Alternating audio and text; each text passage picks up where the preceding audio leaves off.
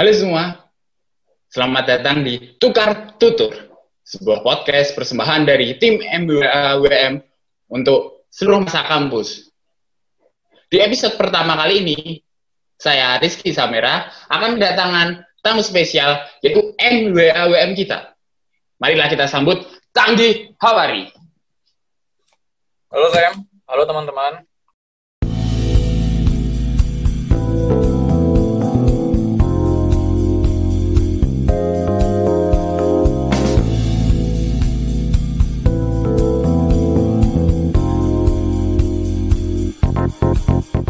Gimana kabarnya Sam? Alhamdulillah. Kamu gimana, Cang? Aku baik-baik, alhamdulillah. Seger malah tadi habis lari. Hari Sabtu kan. Berapa kilo larinya nih? Dikit aja, 3 kilo aja tadi. Mantap. Walaupun masa pandemi tetap harus olahraga ya, biar sehat. Iya. Biar bahagia juga. ah, ya. Biar bahagia. Mantap lah. Pada episode pertama kali ini, kita akan membahas lebih dalam tentang MWA dan MWWM. Tapi, sebelum ke sana, alangkah lebih baiknya kita kenalan dulu nih lebih dalam sama MWWM kita. Canggih Hawari Widya Kencono Utomo. Dari Teknik Kelautan 2016. Oke. Boleh kenalan dulu nih Kak. Sebenarnya kakak ini siapa sih? Gitu. Ya, uh, nama lengkapku Canggih Hawari Widya Kencana Utama, teman-teman. Uh, panggilannya Canggih, aku dari Teknik Lautan ITB 2016. Nah, di sini uh, dia manahkan sebagai PWM sampai tahun depan. Insya Allah ya, gitu. Apalagi Sam? Atau udah itu aja nggak apa-apa? Ini aja deh, tadi kakak bilang tahun depan kan? Tahun depan tuh kapan gitu kak? Harusnya uh, Maret sih ya. Uh, Maret, Februari atau Maret. Itu yang biasanya terjadi. Tapi nggak tahu nanti uh, dengan usaha periodisasi kongres ini apakah akan ada perubahan atau enggak. Kita masih belum tahu ke depannya seperti apa. Tapi paling lambat, uh, harusnya setidak-tidaknya itu bulan Mei Juni itu sudah harus diganti wakil mahasiswa yang ada. Gitu teman-teman. Sam.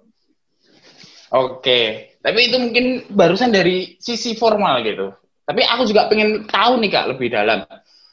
Sebenarnya kayak hobi atau keseharian seorang canggih itu gimana sih kak? Apa ya?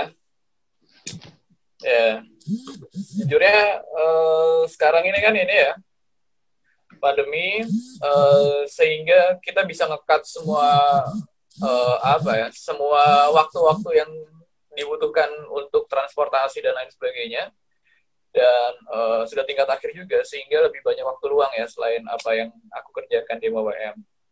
Nah uh, kemarin sedang persiapkan kembali nih.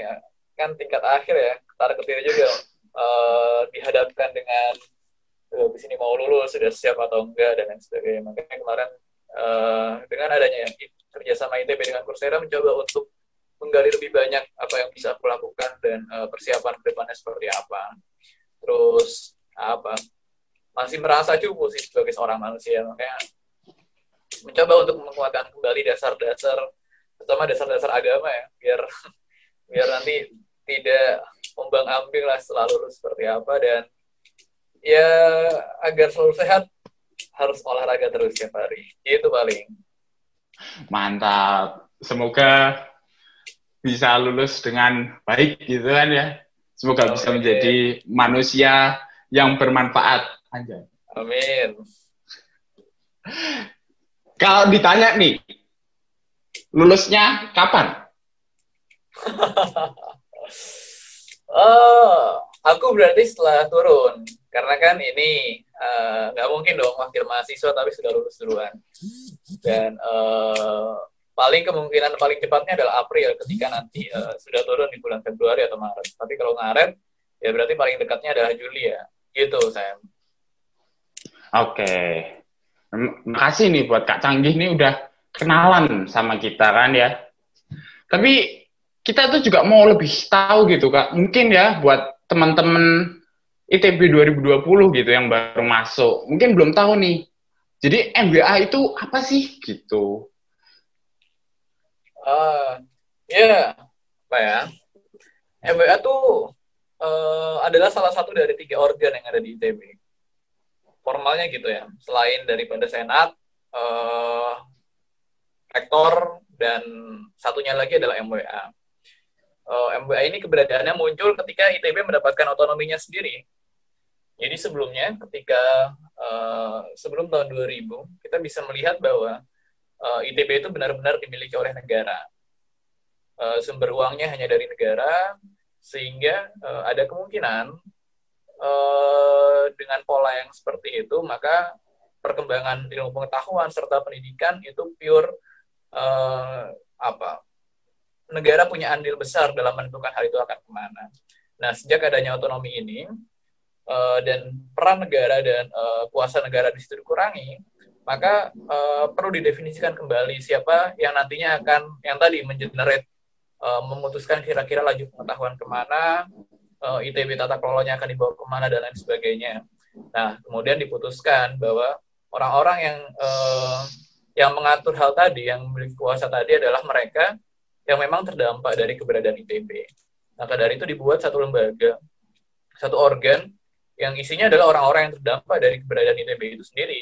Dimulai dari uh, dosen-dosennya, tenaga kependidikannya, pemerintah, ada gubernur dan uh, menteri dari pemerintah pusat, terus ada uh, senat akademik, ada wakil masyarakat, gitu. Jadi uh, gambaran umumnya ya, secara informalnya seperti itu, Sam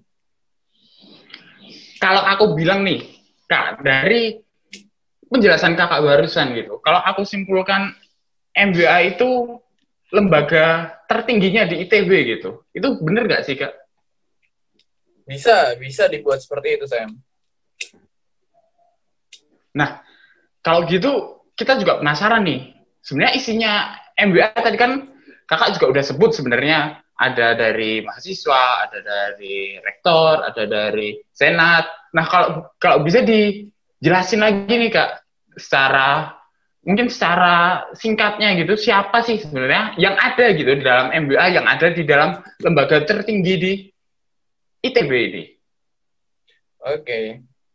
Uh, eh, jadi gini, keberadaan MBA itu uh, mula-mulanya itu dipilih oleh uh, jadi setiap lima tahun sekali ya teman-teman, itu seluruh dari tiga organ di ITB yang tadi aku bilang, itu semua berganti orang. Nah, yang paling pertama kali berganti adalah Senat Akademik. Senat Akademik ini adalah perwakilan dari dosen-dosen di setiap fakultas. Uh, itu mereka memilih dan uh, aku lupa setiap satu orang dosen itu setiap sekian dosen itu memilih satu perwakilannya di dalam senat akademik.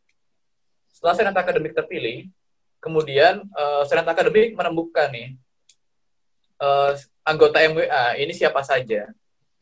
Maka dari situ uh, kemudian muncul uh, dipilih dulu ketua senat akademiknya siapa, yang dia akan secara otomatis menjadi ex officio di anggota MWA. Itu adalah anggota MWA pertama, bisa dibilang kayak gitu. Terus uh, kemudian senat akademik berembuk lagi. Siapa kira-kira dari kita dari senat akademik ini yang nantinya akan mewakili di MWA? Mereka berembuk, kemudian diputuskan ada empat orang. Sekarang itu anggota yang dari Senat Akademik, ada Pak Ahmaloka. Pak Ahmaloka itu dulu mantan rektor juga. Terus ada Pak Joko Santoso, Pak Joko Santoso juga mantan rektor, ada Pak Benhard, uh, Pak Benhard itu dari STI, sama Pak Agus Dana. Pak Agus Dana ini dari SITH. Nah, uh, terus uh, tidak berhenti di situ, Senat Akademik kemudian memutuskan wakil masyarakat yang nantinya akan ada di MUA ini siapa. Setelah mereka berembuk, kemudian diputuskan ada empat orang juga wakil masyarakat. Bu Yani Panigoro, uh, Bu Nur Hayati, Pak Ahmad Zaki, dan Pak Adini Syamsuddin. Itu uh, seluruh orang yang ada yang dipilih asal muasalnya dari senat akademik ya. Jadi kita udah dapat berapa tadi? Udah dapat sembilan berarti dengan uh, ketua senat akademik sebagai ex officio. Oh, Enggak, anggota pertamanya bukan cuma ketua senat akademik, tapi juga uh, adalah menteri terpilih. yang mana kalau kemarin kita lihat itu berarti menteri terpilihnya baru tuh uh, baru terpilih sekitar bulan Juli ya. Berarti setelah terbentuk beberapa anggota MWA itu dulu. Tapi yang pasti adalah gubernur. Gubernurnya Pak Ridwan Kamil itu sudah ada terlebih dahulu. Nah menterinya adalah uh, Pak Nadiem Makarim dari Mendikbud dan gubernurnya tentu gubernur Jawa Barat. Habis itu uh, tinggal uh, wakil mahasiswa siapa nah wakil mahasiswa itu ditentukan sama mekanisme di KM ITB dipilih oleh mahasiswa dengan mekanisme yang sudah diputuskan oleh mahasiswa itu sendiri. Dan dalam hal ini aku kemarin dipilihnya melalui Pemira, pemilihan umum raya, sama seperti K3M, eh, eh, Presiden KM ya. Aku dipilih secara langsung oleh teman-teman dari mahasiswa. Nah, itu kemudian diajukan dari wakil mahasiswa dan wakil tendik juga punya mekanismenya sendiri. Dari mereka siapa yang akan diajukan. Yang dipilih kemudian adalah Pak Nana. Pak Nana ini dari STAY. Nah, itu sudah dapat beberapa orang. Terus anggota terakhirnya siapa? Anggota terakhirnya adalah uh, rektor terpilih, uh, rektor ITB. Nah, yang mana rektor ITB itu uh, dipilih setelah anggota MWA lainnya settle, sudah terbentuk. Baru kemudian, oke okay, kita uh, adakan pemilihan rektor uh, yang kemarin tahun 2019 juga baru diadakan. Dan terpilih uh, 2020 awal, 2019 akhir yang dilantik 2020 awal, uh, Bu Reni, uh, Reni Wirahadikusuma sebagai rektor ITB. Gitu, jadi lengkap semua anggota MWA dengan orang-orang yang tadi aku sudah sebutkan. Gitu, Sam. Oke, makasih nih ya udah di, di apa ya, dijabarkan gitu kan anggota siapa sih sebenarnya isi dari MWA gitu. Tadi berarti kita dapat 15 orang gitu. Bener bener kan ya? Betul betul betul. Oke. Tapi setelah dari situ kita tahu nih orang isinya di dalam MBA itu orang-orang hebat kan, orang-orang terpilih gitu. Cuma apa sih sebenarnya peran dari MBA gitu? Apa yang bisa dirasain sama kita mahasiswa gitu dari keberadaan MBA? Kenapa kak harus ada sih MBA gitu? Oke okay, oke. Okay. Uh, eh, kalau kenapa harus ada MWA? Tentu jawabannya udah aku bilang tadi ya, karena uh, perlu ada sekelompok orang yang kira-kira akan apa sebagai satu perencanaan yang baik tentu harus mempertimbangkan mereka-mereka yang terdampak dari keberadaan kebijakannya. Nah, orang-orang yang terdampak ini adalah MWA dan uh, sebagai stakeholder yang uh, yang memang terdampak tadi. Terus kenapa ada wakil mahasiswa di situ? Uh, ya, tentunya karena mahasiswa adalah uh, orang yang uh, apa sebagai orang-orang yang terdampak sangat utama dari kebijakan ITB itu sendiri ya. Itu adalah jawaban formalnya. Tapi kemudian uh, ketika kita melihat kondisi-kondisi yang ada saat ini, apa yang kira-kira akan uh, bersentuhan dengan kemahasiswaan dan lain sebagainya, itu nggak bisa dilepaskan dari rencana-rencana ITB. Uh, kita mahasiswa, kita bayar ke ITB, kita mendapatkan sesuatu dari sana, kita berkegiatan di dalamnya, uh, kita berkembang di dalamnya, dan tentu agar kita bisa memaksimalkan perkembangan itu, agar kita bisa mendapatkan apa yang seharusnya kita dapatkan, perlu ada orang-orang yang terlibat di dalam satu perencanaan strategis yang ada di ITB. Tentunya nggak bisa masuk ke dalam setiap elemen, uh, setiap apa yang dilakukan ITB karena peran eksekutif itu ada di rektorat. Tapi uh, kita bisa uh, ikut merencanakan dalam 20 tahun ke depan baiknya seperti apa ITB ini, dalam lima tahun ke depan seperti apa, atau satu tahun ke depan Eh, proyek-proyek uh, yang atau langkah-langkah yang akan dilakukan oleh ITB ini seperti apa? Ataupun uh, berkaitan dengan bagaimana caranya uh, jadi kita memandang hal yang lebih apa ya misal kita berbicara soal UKT ya tentu ada aspek-aspek peraturan dan ada aspek-aspek yang mana itu membatasi perannya uh, lingkup yang bisa dilakukan oleh ITB.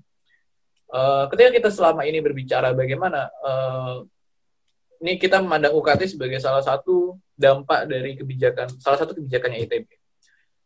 Semisal uh, sekarang uh, selama ini kita selalu berbicara gimana caranya agar UKT lebih uh, tidak uh, bisa turun dan lain sebagainya, bagaimana uh, UKT bisa bisa lebih fair dan lain sebagainya. Nah, kemudian uh, apa sih yang bisa dilakukan oleh MWA saat itu? Uh, kondisinya di situ. Tentu pertama adalah membuat regulasi sebagai satu kebijakan umum yang perlu untuk dilakukan oleh ITB.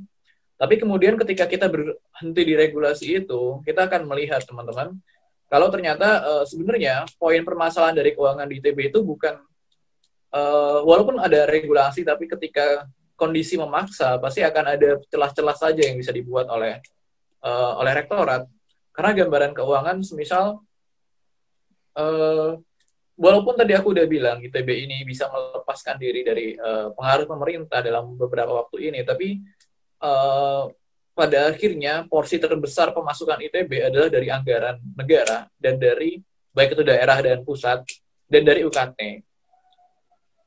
Pendanaan-pendanaan lain, pendanaan riset uh, yang didapat pun biasanya dari negara untuk join research dengan beberapa perusahaan, dengan beberapa universitas atau lembaga-lembaga lain itu masih sangat sedikit.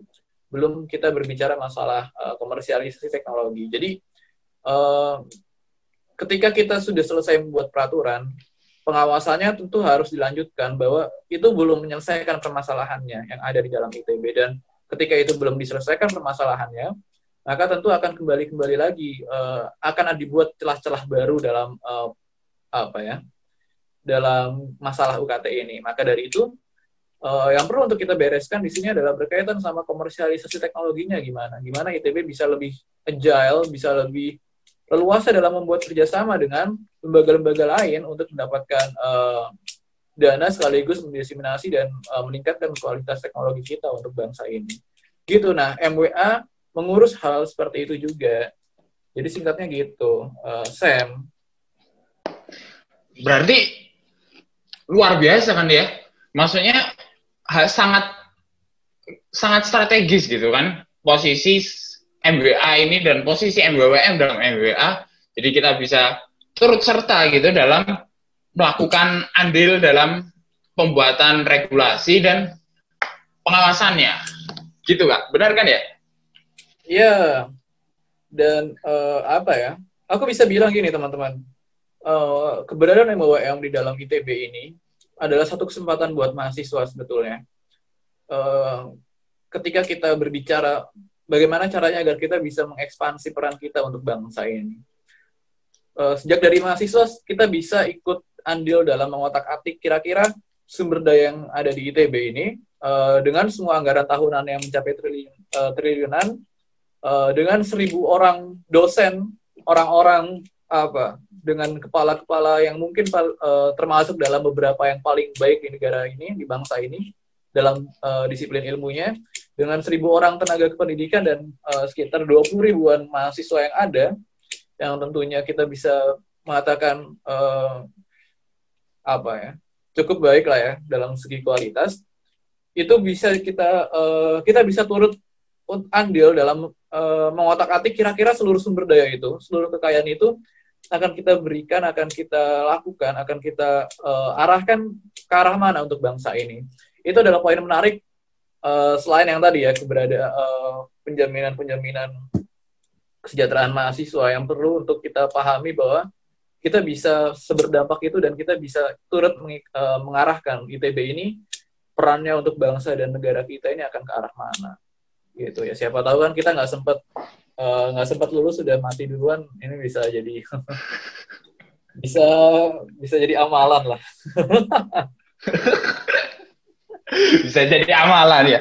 Mantap mantap. Ya semoga bisa menjalankan tugas mulianya kan ya. Cuma setelah itu sebenarnya apa sih yang mau kakak bawain gitu? Apa visi kakak itu apa visi apa misi yang mau dilakukan sama kakak dan tim gitu? Oke. Nah uh, gini uh, Sam. Yang tadi tentu itu satu hal yang uh, apa ya yang sangat ideal gitu ya. Uh, yang perlu kita pahami bersama bahwa terkadang dalam pelaksanaannya uh, bahwa terkadang dalam pelaksanaannya ini ada banyak problem-problem uh, yang ada yang kita lihat itu tidak ideal maka dari itu uh, berbicara soal kekuatan kita sebagai mahasiswa dan uh, keberadaan MBA sendiri di, di dalam organ itu masih banyak permasalahan-permasalahan yang tidak ideal dan terkadang bersifat sistemik dikarenakan uh, kebolongan-kebolongan sistem yang ada. Nah, uh, itu yang ingin aku lakukan di tahun ini. Ketika pada akhirnya semua hal tadi itu dibiarkan loss, maka besok-besok uh, kekuatan kita pun akan kembali lagi pada tahap yang sama. apa yang dirasakan dan di, uh, yang dihadapi oleh adik-adik kita oleh uh, MBOM berikutnya akan mengalami permasalahan-permasalahan yang sama juga dan ataupun uh, ketika tadi kita berbicara ya soal masalah UKT sedikit banyak tadi aku jabarkan uh, pembuatan regulasi itu bukan satu hal yang bisa cepat dilakukan uh, permasalahan komersialisasi teknologi yang tadi aku bilang juga bukan satu hal yang sangat mudah untuk kemudian uh, bisa kita lakukan dan kita kita uh, naikkan bagaimana performa ITB dalam hal seperti itu. Tentunya akan sangat menyedihkan ya ketika dibandingkan dengan Stanford atau beberapa universitas di luar lainnya. Nah, jadi melihat yang tadi teman-teman, uh, apa yang ingin aku lakukan di tahun ini adalah meletakkan fondasi untuk gerakan-gerakan yang tadi aku bilang. Uh, gimana caranya agar kita uh, agar permasalahan-permasalahan sistemik yang tadi kebolongan-kebolongan sistem yang tadi itu bisa mulai kita uh, bisa kita garap di tahun ini bisa kita letakkan fondasinya batu pertama fondasinya untuk kemudian uh, sehingga di adik-adik kita eh, berikutnya tidak mengalami permasalahan yang sama dalam membatasi lingkup geraknya. Gimana caranya soal gerakan-gerakan uh, panjang tadi untuk kemudian meningkatkan baik performa ITB dan tentunya berkaitan sama um, sama kita ya kesejahteraan kita itu tidak bisa kita selalu memandang secara uh, mempartisi itu sebagai satu gerakan satu tahun ini beres. Enggak kita perlu untuk melihat karena keberadaan itu sistem ITB sendiri sudah sangat kompleks dan perlu untuk kita garap satu persatu. Dan hal itu uh, belum lagi kita melihat tadi yang aku udah bilang senat akademik rektorat MWA semuanya baru orang-orangnya. Uh, apa uh, karena mereka baru tentunya semua pengetahuan kita tentang uh, tingkah laku mereka di waktu aku sebelumnya harus berubah semua. Banyak perubahan-perubahan kita dihadapkan dengan pandemi dan lain sebagainya nah apa yang ingin aku lakukan di tahun ini adalah gimana caranya aku meletakkan fondasi itu sehingga uh, dapat menjadi dasar untuk gerakan-gerakan uh, yang akan datang oleh adik-adik kita oleh pengurusan berikutnya dan seterusnya gitu saya oke okay. berarti kebolongan sistem gitu ya. Gimana caranya biar sistem sistem yang sekarang masih ada gitu bisa diperbaiki dan kakak juga mau meletakkan fondasi gimana untuk adik-adik nanti ke lima tahun ke depan gitu kan ya? Iya, kebolongan sistem itu adalah satu bagian dari fondasi itu Sam. Intinya uh, uh, pokoknya setiap hal yang kira-kira akan menjadi satu fondasi dalam pergerakan berikutnya dalam hal ini tentu adalah berkaitan sama regulasi, berkaitan sama kesiapan kita, jejaring kita, uh, kepemahaman kita soal rektorat dan uh, organ-organ di ITB seperti apa, uh, kekuatan kita termasuk di dalam internal tim, kesiapan tim dan lain sebagainya itu adalah satu fondasi yang tidak bisa uh, dipisahkan. Maka dari itu semua hal itu yang menjadi fokus uh, fokusku di tahun ini, gitu lebih kurangnya. Oke. Tadi kan kakak udah jelasin nih Kak Canggih udah jelasin apa yang mau kakak bawa di tahun ini gitu hmm. tentang peletakan pondasi. Nah, cuma apa sih kak implementasinya apa sih yang mungkin sudah kakak lakukan atau akan kakak, kakak lakukan terhadap isu-isu yang teraktual gitu, kak? Oke oke. Contoh ya soal masalah peletakan pondasi ini. Nah jadi uh, kita lagi mengusahakan adanya pembuatan peraturan-peraturan. Pertama yang kemarin sudah mulai jalan itu pembuatan peraturan soal masalah pengembangan multi kampus. Itu ke depannya, uh, seperti contoh gini, teman-teman Cirebon kemarin, uh, atau mahasiswa secara umum tidak pernah dilibatkan untuk untuk apa? Untuk bisa uh, ikut merencanakan uh, pengembangan multi kampus selain dari MBWM ya, dan tentunya uh, itu tidak begitu besar karena peran peran pengembangannya berada pada rektorat. Nah, uh, itu yang kemarin beberapa di antaranya perlu untuk dimasukkan pasalnya karena tentu uh, aku nggak mungkin uh, karena tentu di ke depannya uh, harapannya kita bisa masuk ke dalam siap perencanaan pengembangan multi kampus itu tentu karena berkenaan dengan pembuatan atmosfer akademik yang sangat jarang uh, direncanakan dengan baik uh, oleh bapak-bapak dosen kita yang mungkin sudut pandangnya terbatas pada uh, bagaimana kurikulum-kurikulum yang ada bisa disampaikan, alat-alat uh, lab dan lain sebagainya yang pastinya uh, atmosfer akademik tidak bisa dibatasi dengan permasalahan-permasalahan seperti itu aja. Lebih luas di antaranya adalah kegiatan kemahasiswaan dan lain-lain sebagainya. Maka dari itu, itu beberapa hal yang kemarin aku concern dan uh, aku masukkan di dalam pengembangan peraturan itu. Terus uh, soal masalah gimana tata kelola multi kampus kemarin, yang selama ini multi kampus selalu berkenaan dengan hanya tata kelola uh, tid, uh, apa si pengatur atau pelaksana multi kampus ini tidak pernah bisa mencapai pada tahap di mana dia bisa merencanakan tridharma juga.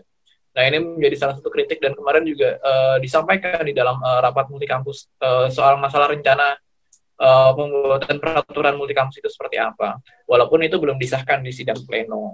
Kalaupun disahkan tentunya akan uh, perlu ada pengawasan atau penyepakatan kembali oleh teman-teman mahasiswa seperti apa nantinya. Jadi masih rapat-rapat informal tapi draftnya sudah uh, sedang dibuat. Itu contoh salah satunya. Uh, terus kemudian perencanaan-perencanaan atau pengajuan-pengajuan soal hubungan tiga organ yang ada di ITB seperti apa. Uh, soal masalah yang tadi aku bilang berkaitan dengan uh, uh, banyak permasalahan-permasalahan sistem di MWA ini yang akhirnya membuat bukan uh, membatasi ruang gerak kita, di mana salah satunya adalah berkaitan dengan hubungan antara tiga organ yang ada di TB ini tidak terdefine dengan baik ataupun tidak dipahami dengan baik oleh masing-masingnya. Nah itu yang menjadi salah satu juga yang kemarin uh, sedang dicoba untuk digulirkan di dalam eh, rapat-rapat yang ada di MWS seperti apa. Itu uh, di antaranya. Terus sekarang juga teman-teman lagi mengkaji soal masalah tata kelola yang ada di ITB dan uh, soal masalah integrasi sistem uh, informasi yang ada di ITB itu sedang dikaji juga oleh teman-teman dan sedang uh, digulirkan di di dalam rapat-rapat yang ada di MWA ad hoc-nya. Nah, untuk di dalam tim sendiri yang tadi aku udah bilang ya, soal masalah fondasi dan memandang bahwa gerakan ini adalah satu gerakan yang harus dipandang jangka panjang, maka dari itu di tim aku membuat satu di, uh, departemen sendiri yaitu masalah uh, pengembangan tim dan uh, gimana caranya kita bisa meningkatkan kapabilitas dan uh, menurunkan semangat dari MWM itu kepada tim sehingga nanti ke depannya orang-orang yang yang memegang perjuangan MWM ini adalah mereka yang sudah terkader dan uh, diturunkan semangatnya untuk kemudian diingatkan ada mimpi-mimpi seperti ini yang perlu untuk kita garap di waktu-waktu yang akan datang. Terus uh, pemetaan rektorat sedang digarap oleh tim juga uh, dan lain-lain sebagainya. Gitu. Uh, sedikit banyaknya Sam. Itu banyak sih kak. Bukan sedikit sebenarnya ya. Merendah aja itu. Oh, merendah. Mantap. Tapi ini sih kak. Aku perasaan sebenarnya juga ketika kemarin sebenarnya sempat hype banget sempat ribut gitu kan saya cuma dapat dari Twitter gitu kan santer hmm. gitu tentang ini kak masalah SM gitu yang kemarin sempat ribut gitu. Nah, ini yang juga mungkin uh, buat uh, teman-teman mahasiswa baru, teman-teman ITB 2020 juga mungkin bisa dijelaskan gitu Kak. Kakak sebagai M2WM apa sih yang Kakak lakukan gitu? Oh, iya iya. Ini menarik juga ya sama kemarin ya. Uh, karena uh, banyak adik-adik mahasiswa baru yang lolos seleksi mandiri kemudian ngechat aku uh, gini kalimatnya. Uh, kak perkenalkan aku uh, nggak nggak pakai kak. Perkenalkan aku ini uh, intinya itu dia menganggap bahwa aku ini adalah bagian dari ITB aku adalah ITB gitu. Satu bagian dari rektorat nah. Dan gak sedikit gak satu dua orang yang menganggap seperti itu. Jadi uh, cukup menarik dan uh, perlu menjelaskan kembali bahwa aku adalah mahasiswa wakil uh, di yang WA dan lain sebagainya. Tapi gini, uh, soal masalah seleksi mandiri ini, uh, sejak bulan Juni awal itu sudah aku peringatkan uh, keberadaannya kepada rektorat ya. Karena uh, seleksi mandiri ini membawa permasalahan yang lebih dalam. Uh, ya, seleksi mandiri di satu sisi bisa meningkatkan chance rektorat, chance ITB untuk bisa uh, kembali menyeleksi lebih ketat dan uh, lebih karena kan seleksi mandiri kuasa penyeleksiannya dari ITB ya. Jadi kalau kita mau buat uh, apa ada seleksi wawancara, ada seleksi psikologis dan lain sebagainya itu adalah wewenang ITB dan bisa-bisa saja dilakukan oleh ITB. Sehingga kita bisa uh, apa mencari input mahasiswa yang lebih match dengan keberadaan prodi dan disiplin ilmu yang ada. Itu satu kesempatan. Di satu sisi seleksi mandiri itu adalah uh, non reguler sehingga UKT-nya itu uh, dibebaskan kepada ITB kuasanya untuk menentukan seperti apa. Nah, uh, hal itu menjadi rentan kemarin karena uh, rektorat baru dan seleksi mandiri ini baru yang kedua.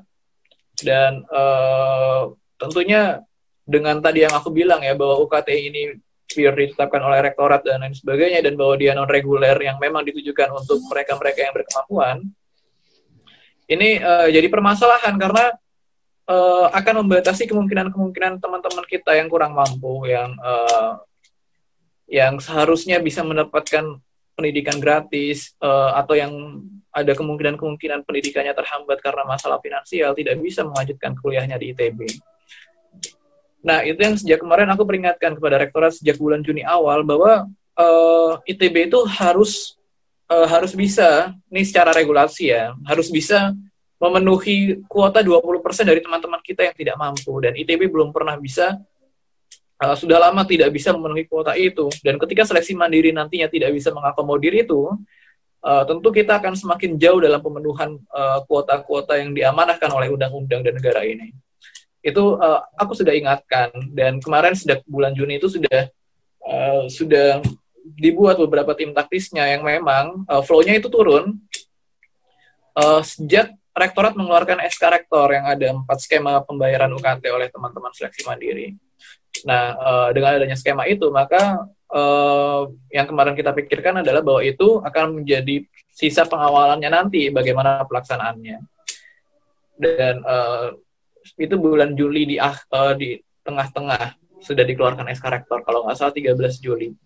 Terus tiba-tiba ketika pengumuman seleksi uh, yang menjadi permasalahan ketika itu adalah gini. Masalah seleksi mandiri itu karena SK-nya sudah dikeluarkan, tapi di website rektorat itu masih tetap ada.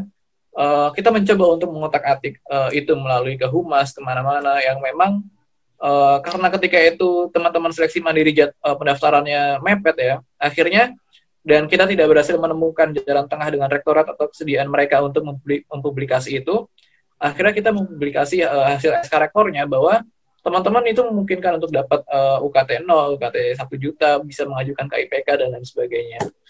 Uh, itu yang kemarin kita up melalui me uh, media sosial lewat bantuan teman-teman paguyuban, forum bidik misi dan lain sebagainya.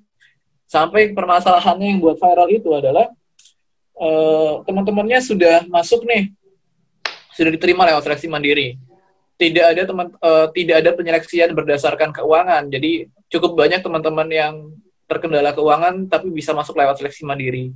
Hanya saja ketika kemudian teman-teman yang tadi itu memastikan ke humas dapatkan kabar kalau seleksi mandiri ini uh, tidak bisa dapat uh, bidik misi, tidak bisa mengajukan keringanan, hanya langsung 25 juta dan lain sebagainya. Nah, itu yang kemudian sempat ramai dan akhirnya uh, kita berdiskusi uh, Sam uh, dan teman-teman dengan teman-teman Kesma, dengan Kongres, dengan tim taktis yang kemarin sudah dibuat, bagaimana ini kelanjutannya. Makanya kemarin dibuat beberapa desain-desain uh, gerakan, kemungkinan-kemungkinan gerakannya, uh, yang tentunya uh, di situ karena tentunya sudah lewat taktis ya, karena sebelumnya itu uh, sebelumnya dalam uh, desain gerakan itu kita sudah ngeplot. Oke, okay, Kesma akan menghubungi teman uh, dari direktur-direktur yang ada di dalam ITB terkait dengan kemungkinan seleksi mandiri ini bisa mengajukan keuangannya gimana dari Ditmawa, dari uh, Direktorat Keuangan uh, dan seterus-terusnya sampai ke WRAM ketika itu. Aku menanyakan permasalahan ini kepada rektorat di dalam forum uh, di dalam uh, dan beberapa anggota-anggota MWA lainnya. Tapi kemudian sekali lagi kita tidak mendapatkan uh, respon yang cukup baik ketika itu ya. Sehingga uh, akhirnya kita buat beberapa grand design gerakan uh, gimana caranya ini isu ini bisa tereskalasi uh, melalui surat terbuka yang ada, melalui uh, bareng sama teman-teman forum bidik misi sebelum-sebelumnya dan uh, ada rencana eskalasi juga ke tingkat yang lebih tinggi yaitu ombudsman dan lain sebagainya. Nah, uh, dan kemudian kan kemarin ramai ya oleh adik-adik yang kemarin telah menggarap isu itu sendiri hmm. menarik mereka bagaimana memperjuangkan apa yang eh, apa yang seharusnya mereka dapat. Nah, itu aku mencoba untuk uh, gimana caranya yang perlu dipahami ya dalam pengambilan kebijakan itu tidak hanya dari mereka-mereka yang punya kuasa kebijakan tapi ada faktor-faktor uh, sosiologis yang terjadi di sana oleh mereka-mereka yang secara secara posisi tidak menempati jabatan-jabatan struktural tapi memiliki kuasa juga uh, secara informal, secara kultural di sana. Nah, itu yang kemudian aku coba untuk garap dari orang-orang yang dekat sama Bu Reni, dari dosen-dosen yang ada di ITB yang uh, pemilik kecenderungan dekat dengan kita, dari uh, bahkan sampai ke dekan-dekan ketika itu beberapa dekan.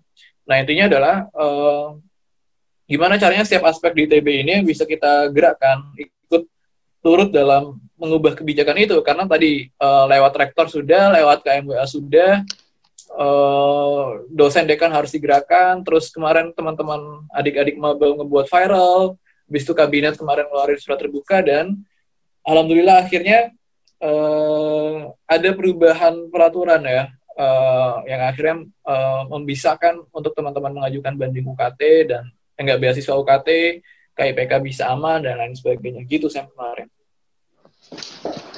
Okay. Jadi uh, jadi gini, jadi emang uh, pembuatannya dilakukan secara taktis dan secara informal karena tidak menemukan adanya sidang MWA yang bisa dibawa dan diajukan secara formal ketika itu uh, dalam waktu itu ya. Sehingga pergerakannya emang pergerakan-pergerakan informal ke yang tadi ke dosen-dosen, ke uh, ke rektor, ke dekan, ke orang-orang yang dekat dengan Bu Reni dan seterusnya gitu. Nah, kalau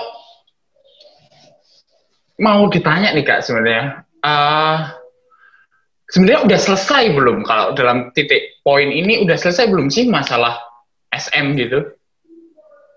Oke, okay, uh, eh, seleksi mandiri ini aku bisa bilang uh, dari kebijakan rektorat yang ada dan uh, tentunya yang perlu dipahami ya bahwa uh, secara keuangan dan kawan-kawan itu ITB juga terbatas dan lain sebagainya.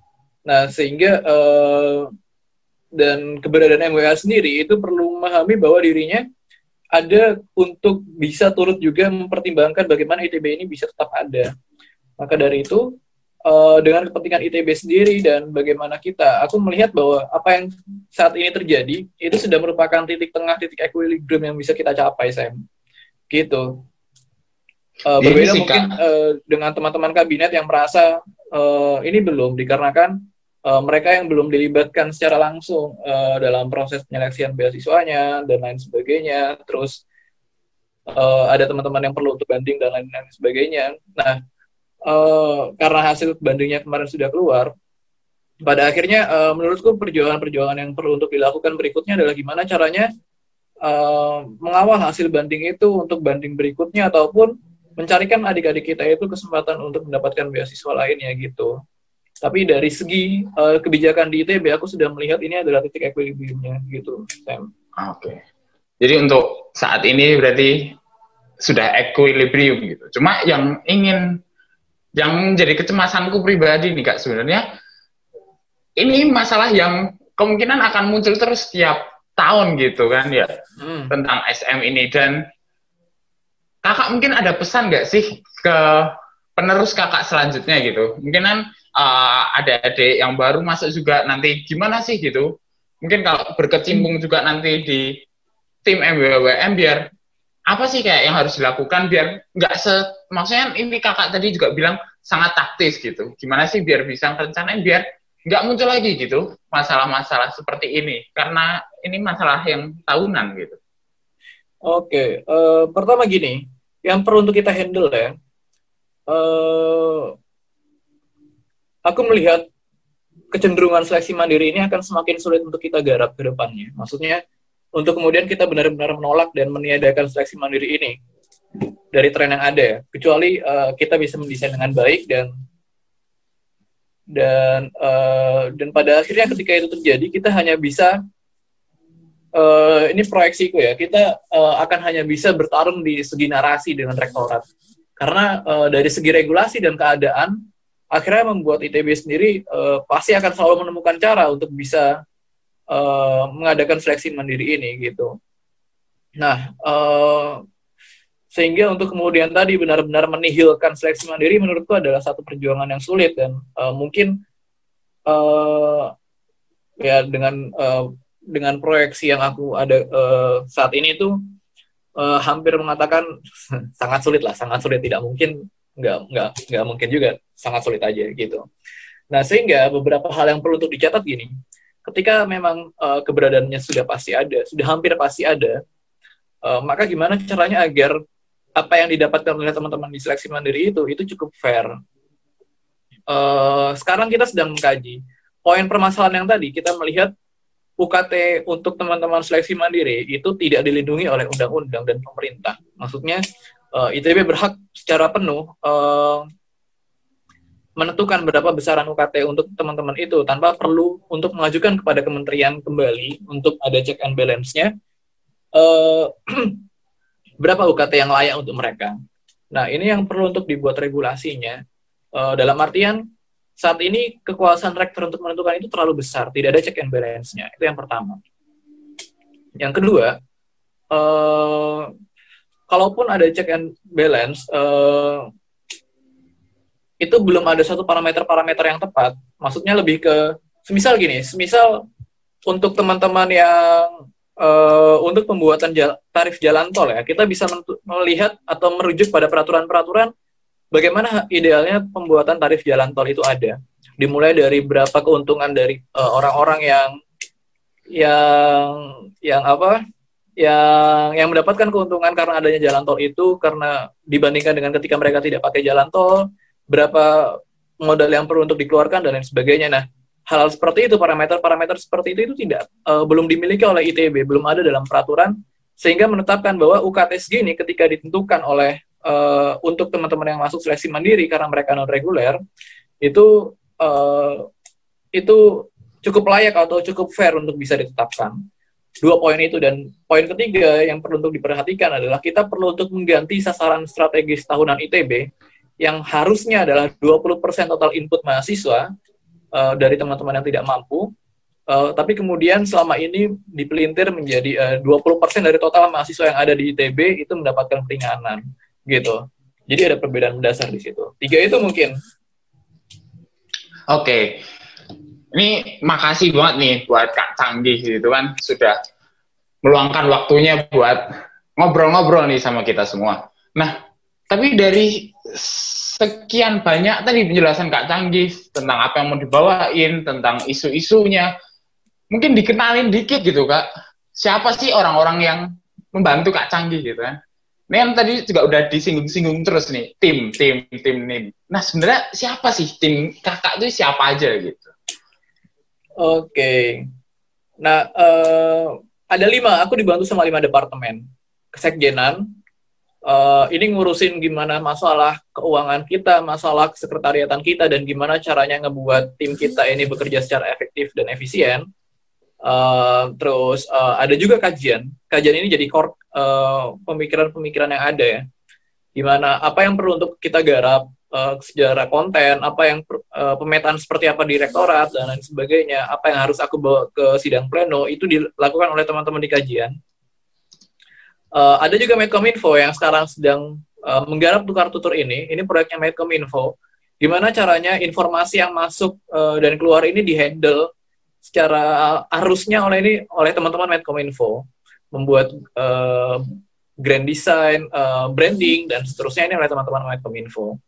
Terus uh, ada juga dari teman-teman relasi. Teman-teman relasi ini yang menggarap hubungan-hubungan dengan organ di luar tim MOWM baik itu elemen yang ada di dalam KMITB, uh, eh, direktorat, ataupun organ-organ ekstra yang ada di luar kampus dan di luar ITB ini, MOM lain, uh, terus lembaga lembaga-lembaga LSM lain, dan lain-lain sebagainya. Nah, yang terakhir adalah tim PSDT. Tim PSDT ini memastikan bahwa orang-orang yang kerja di sini itu bisa mengupgrade kapasitasnya sesuai dengan kebutuhan kerja yang ada, penurunan tim, uh, penurunan semangat tim, dan juga gimana caranya agar uh, orang-orangnya ini uh, bekerja secara efektif dan memiliki membuat satu lingkaran baru ya di dalam tim bukan hanya sebagai uh, lingkup untuk bekerja saja tetapi juga lingkup keluarga baru di ITB itu gitu. Oke. Okay. uh, makasih banget nih kak udah uh, udah ngobrol nih sama sama aku. Cuman ini ngobrol nanti kan sama semua yang nonton gitu kan ya. Tapi bisa nggak sih kak gitu? Gimana caranya kita join gitu sama tim MBWM mungkin untuk ada-ada yang 2020 nih bisa nggak sih join ke tim MBWM gitu? Oke bisa teman-teman dan uh, teman-teman tinggal tunggu aja waktu mainnya gimana. Tapi itu sedang direncanakan sama departemen apa? Departemen PSDT untuk bisa merekrut teman-teman uh, dan untuk bisa melihatkan teman-teman gimana sih dunia di MWM ini di ITB ini secara lebih luas. Jadi tunggu aja, nanti akan ada informasi-informasi lebih lanjut. Oke. Okay. Ya, uh, makasih banget ya buat Kak Canggih untuk menemani untuk menemani hari-hari kita nih di masa pandemi nih. Yaudah, uh, aku tutup aja kalau gitu. Terima kasih semuanya yang udah nonton. Sampai jumpa di podcast podcast selanjutnya. Jangan lupa tetap lantangkan langitkan Fajar Perjuangan.